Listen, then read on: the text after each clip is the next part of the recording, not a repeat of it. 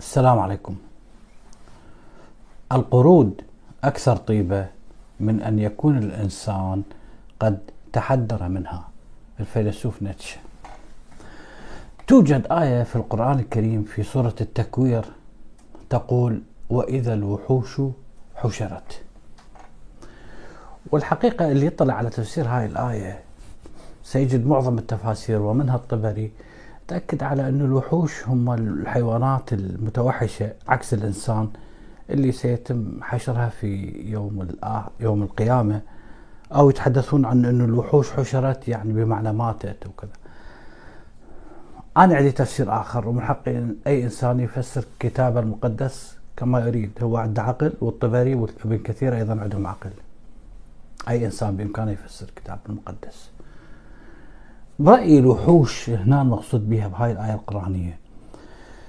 هم الطواغيت اللي قتلوا الإنسان واللي دمروا الإنسانية واللي حطموا وأهلكوا الزرع والحرث والبشر. وبالنتيجة خلفوا دمار وعذابات إنسانية لا تنتهي. برأيي عبر عنهم القرآن الكريم بصورة حتى جردهم من إنسانيتهم بحيث سماهم وحوش لأن أعمالهم صفاتهم صفات الوحوش أعمالهم كانت أعمال وحشية فسماهم وحوش. إذا استذكرنا حديث آخر يقول يعني هناك أناس يحشرون في يوم القيامة. إذا نتكلم من منظار ديني يحشرون على هيئة وحوش أين منها الخنازير والقردة؟ طبعا المفسرين ما يستطيع أن يقول أنه الظالم الطاغية سوف يحشر كوحش. يعني لربما هذا السبب اللي ما دفعهم لهذا التفسير. يعني تخيل معي أنه رب العالمين إذا نأخذ هذا المفهوم يحشر تمساح وأسد و... ونمر لأنه يعني شنو أكلوا غزالة أو هم حياتهم هي طبيعتهم هكذا. يعني كلام الصور غير دقيق. لكن أن يحشر طاغية وسفاح ومجرم حطم شعب بأكمله هذا لا بمعنى شوية قوي. وتواراكم قد أكون مخطئ. كتاب اليوم للفيلسوف إيريك فروم هذا فيلسوف أنا جدا معجب به. كتاب اسمه التشريح التدبيرية البشرية. عندما تنظر إلى واقعنا كبشر تجد أن هناك مليارات مليارات الدولارات تصرف سنويا من أجل شراء أسلحة معظمها أو كلها في حروب عبثية. وعندما تسألهم لما هذه الحرب يقولون هناك مصالح ما. والحقيقة لا أعرف ما هي المصالح اللي تبرر هذا الجنون.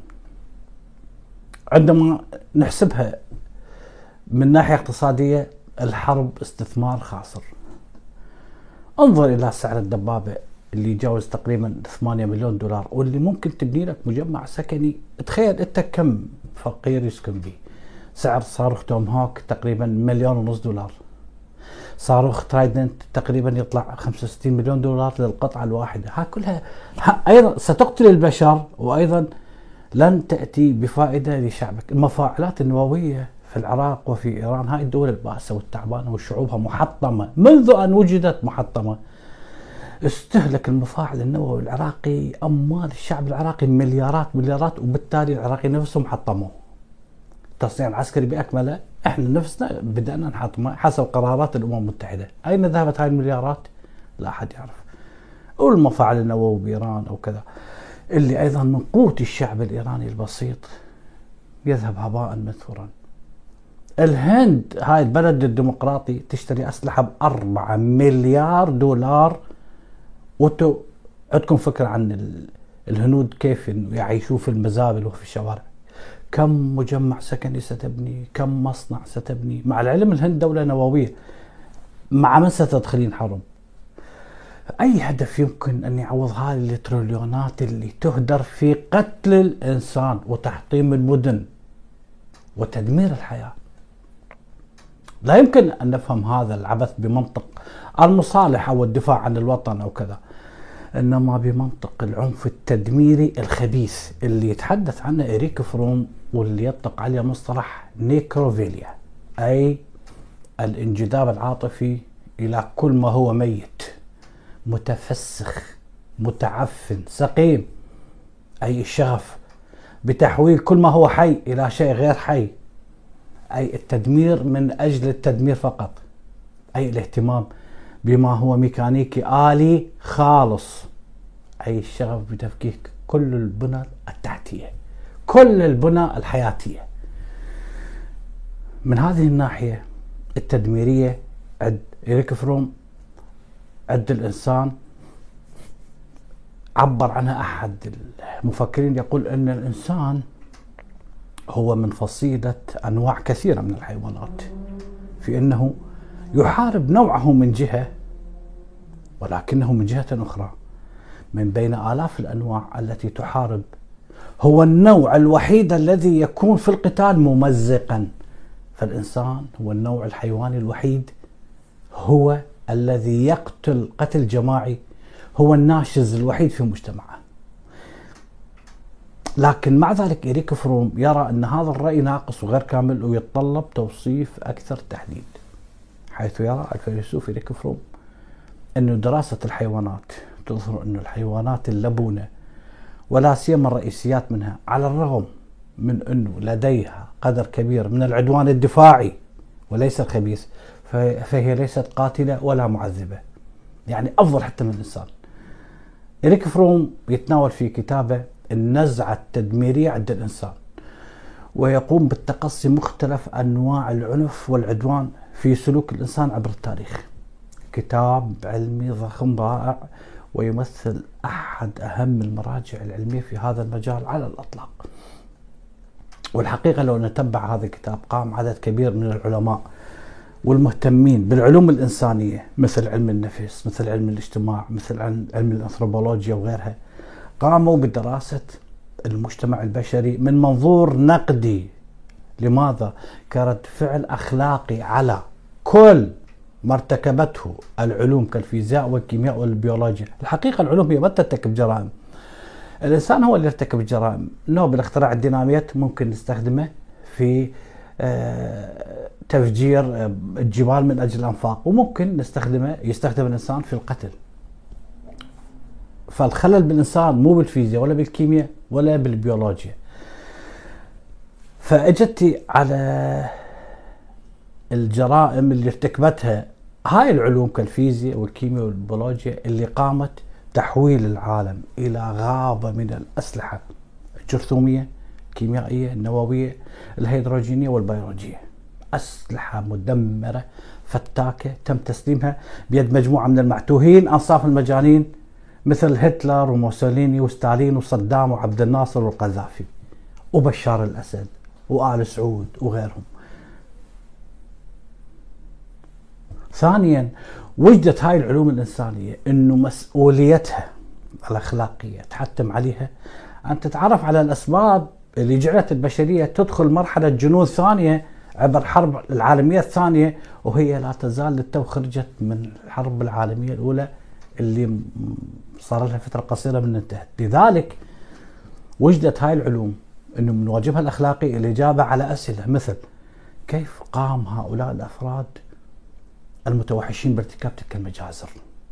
ما هي العقائد؟ ما هي الأفكار اللي بررت لهتلر وستالين وصدام وبقية الحثالات البشرية أن يعملوا تلك الجرائم؟ ما هي العقائد؟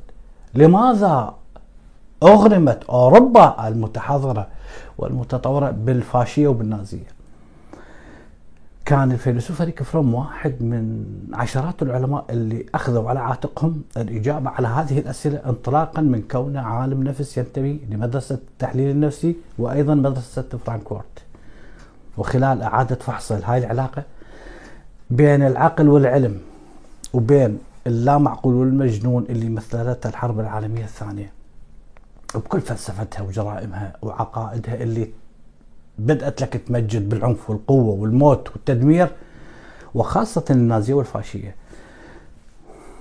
وخلال هذا الفحص اللي قام به فروم هذا الفحص الميداني الكبير وجد فروم أنه واحد من تلك الأصول النفسية لصعود مثل هذه الفلسفات المتطرفة واللي دمرت البشرية يكمن في نزوع نحو التدمير.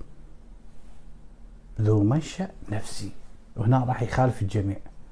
هذا النزوع نحو التدمير ذو منشأ نفسي. يتحكم في بعض نماذج السلوك الإنساني وهو التدميرية. وراح يبتكر مصطلح نيكروفيليا معناه تدميرية لذلك هذا مصطلح التدميرية يعود إلى المحلل النفسي وعالم الاجتماع والفيلسوف إريك فروم. اجى بهذا المصطلح كأحد نتائج قراءة فروم الخاصة لأستاذه فرويد. إذا نرجع لفرويد. فرويد قدم أول نظرية تحاول تفسير العنف والعدوان البشري. أكد بها فرويد أنه الرغبة في الموت والرغبة في التدمير جزء أصيل من الإنسان يتعذر استئصاله يعني هي رغبة غريزية مساوية لغريزة الحياة. الرغبة في الموت والتدمير تساوي بالضبط غريزة الحياة. فخصص إريك فروم دراسة لهذا التدمير في هذا الكتاب الرائع تشريح النزعة التدميرية عند الإنسان. فروم ومن خلال توضيح العلاقة بين مفهوم التدميرية كما هو رسم صورته الذهنية وبين عدد من المفاهيم السابقة اللي ارتبطت واللي وصلت إلى نتيجة أنه خلص قام إريك فروم بتخليص مصطلح التدميرية اللي ابتكره من التفسيرات اللي سبقته. مثلا حدود اللفظية. قبل كان هذا المصطلح المصطلح يعني آه، اشتهاء الموتى الجنسي. كان هذا المصطلح يعني بهاي الصورة خلص من عنده. وخلص من حدود النظرية والمفاهيمية. كان مربوط بالبيولوجيا بالغريزة بالوراثة.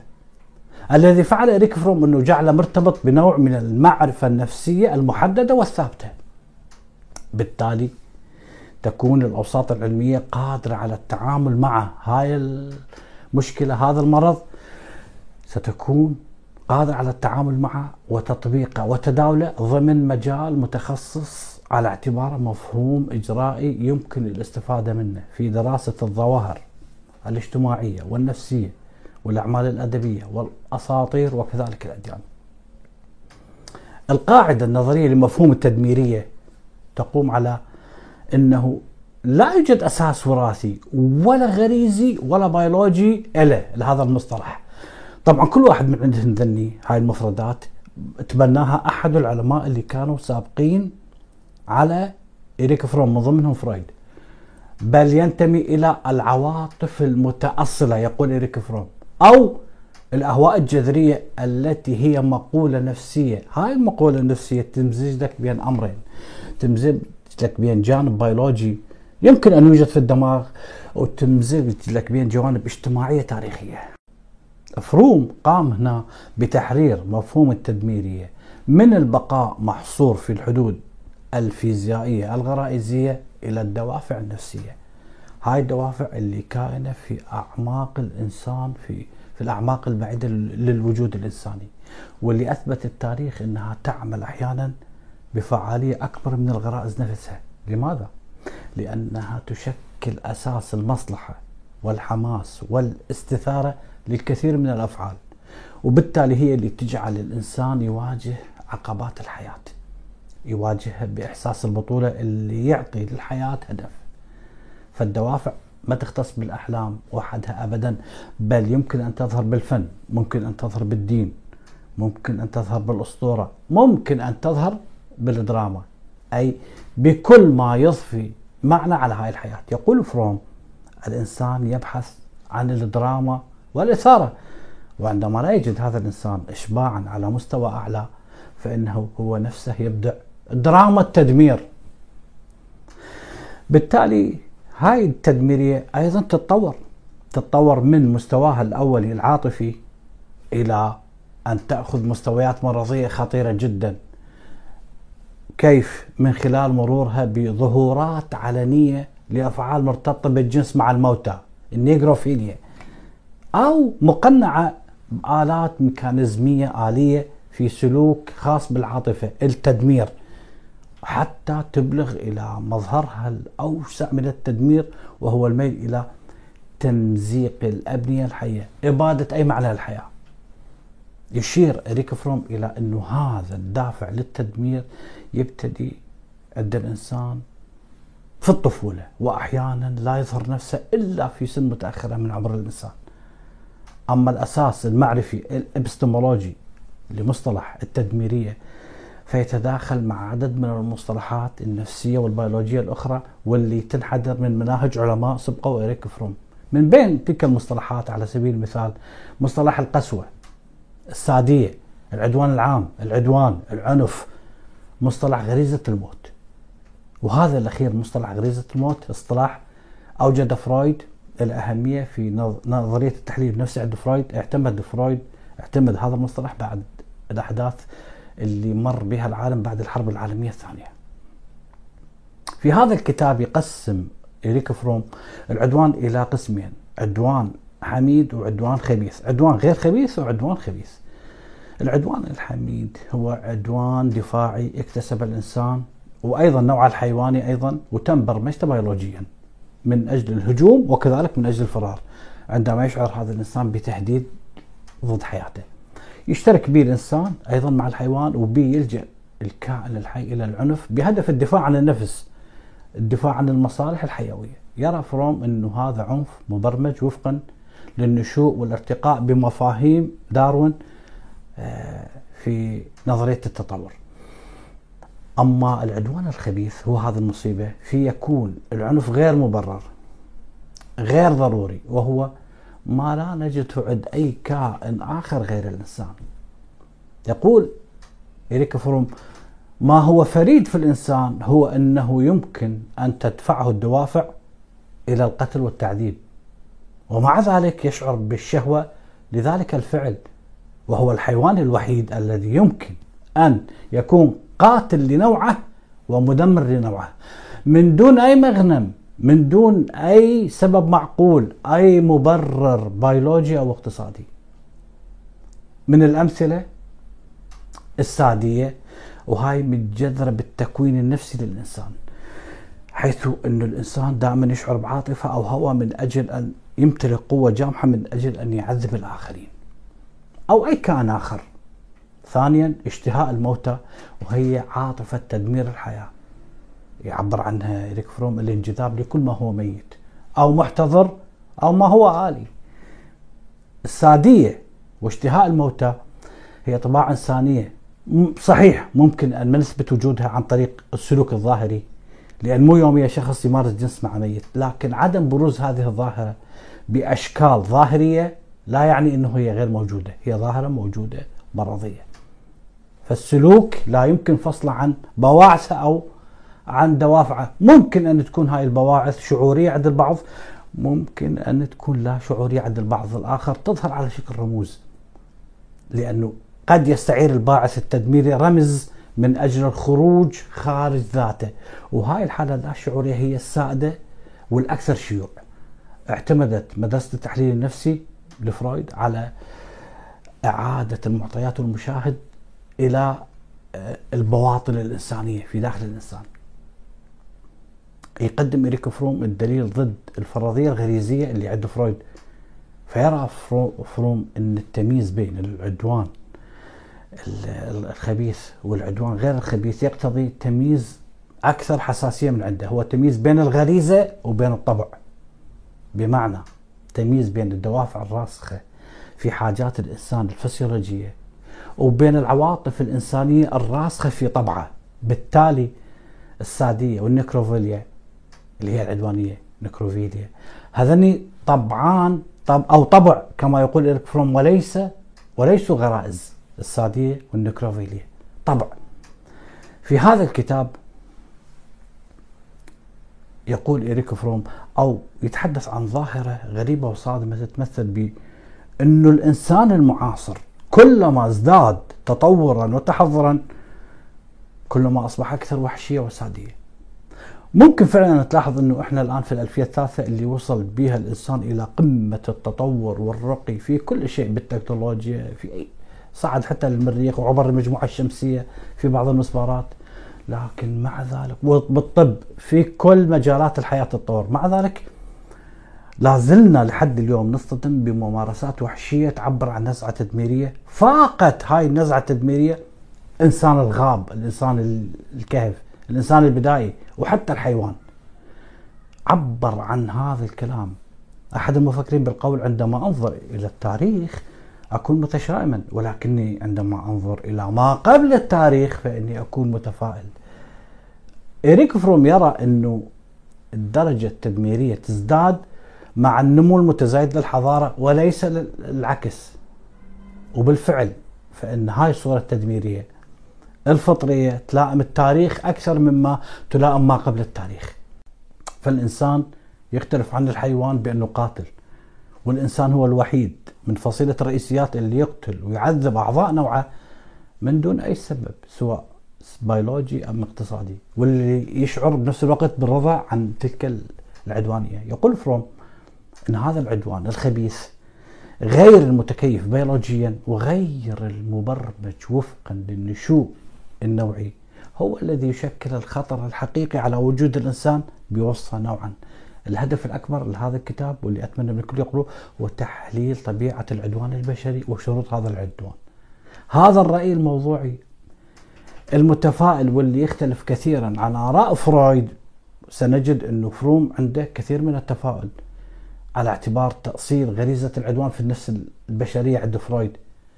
بالعكس من عنده راح نجد أنه فروم يصر على في هذه الدراسة أنه النظر إلى هذا الإنسان العدواني على اعتباره مريض أو منحرف يجب أن ننظر إلى مع ذلك نظرة إنسانية متعاطفة مع هذا الإنسان مهما كان عرقه وقوميته وجريمته. كان يصر على أنه الشخص النكروفيلي العدواني ويقصد به هذا الشخص اللي يرتكب جرائم اللي يحمل عاطفة تدميرية للحياة والانجذاب إلى كل ما هو ميت ومضمحل وميكانيكي صرف وعنده شغف بتحويل.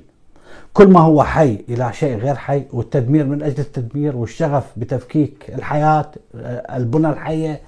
هو إنسان مع ذلك لم يفقد بشريته. هو ليس شيطان هو يعيش بيناتنا. وقد يكون الكثير من عندنا يحملون هذا النوع أو هذا الشيء من العدوانية. ياكد اريك فروم إنه حتى أشد الناس شرا هو إنسان مع ذلك يستدعي شفقتنا. فإذا وجد هتلر في زمن ما فهناك الكثير من الهتالرة الذين لم تصبح لهم شهرة هتلر بسبب الظروف اللي عاشوها بسبب إمكاناتهم ويصبحون خطيرين جدا حين تحين الفرصة المناسبة لذلك. وشكرا لكم.